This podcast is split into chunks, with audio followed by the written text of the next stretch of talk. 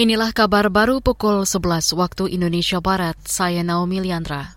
Wakil Presiden Maruf Amin melantik ratusan anggota komponen cadangan atau Komcat di Pusdiklat Pasus, Batu Jajar hari ini.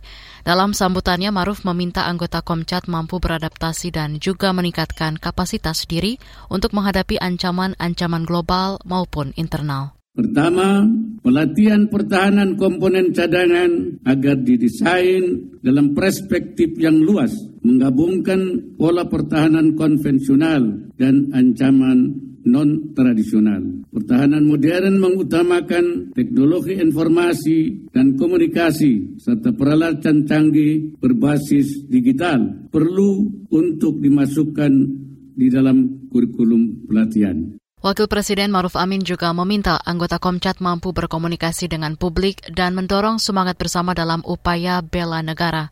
Wapres berharap anggota Komcat tetap menjaga mandat untuk terus membela tanah air serta menjadi inspirasi bagi masyarakat untuk menjaga persatuan dan kesatuan. Kita ke informasi lain. Saudara, Komisi Bidang Komunikasi DPR dan pemerintah menyepakati rancangan Undang-Undang Perlindungan Data Pribadi RUU PDP dibawa ke tingkat paripurna. Itu disampaikan Ketua Komisi Komunikasi DPR Mutia Hafid dalam rapat kerja bersama Kementerian Kominfo, Kementerian Dalam Negeri, serta Kementerian Hukum dan HAM kemarin keseluruhan sembilan fraksi sudah menyampaikan pandangan akhir fraksi terhadap RUU pelindungan data pribadi dan kesembilannya menyetujui untuk RUU Perlindungan Data Pribadi dibawa pada pembicaraan tingkat dua. Sekali lagi saya ucapkan terima kasih kepada Ketua Panja dan seluruh uh, anggota Panja baik dari Komisi 1 maupun juga dari pihak pemerintah itu tadi Ketua Komisi Komunikasi DPR Mutia Hafid. Sebelumnya pembahasan RUU PDP antara DPR dan pemerintah alot karena pembentukan lembaga pengawas data pribadi. Kedua pihak memperdebatkan posisi lembaga tersebut. Kini lembaga pengawas itu disepakati berada di bawah Presiden. Beralih ke informasi daerah. Ratusan buruh dan pekerja di daerah istimewa Yogyakarta menggeruduk kantor DPRD Provinsi kemarin.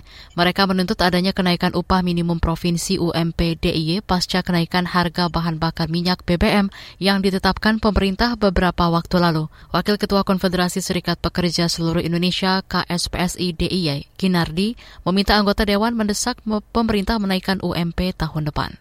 Saya kira DPRD mempunyai kewenangan yang cukup besar dalam rangka untuk menanyakan dan memastikan gubernur DIY untuk bisa menaikkan minimum ini minimal sebelum Bapak Gubernur dilantik menjadi gubernur yang uh, Itu yang saya kira penting untuk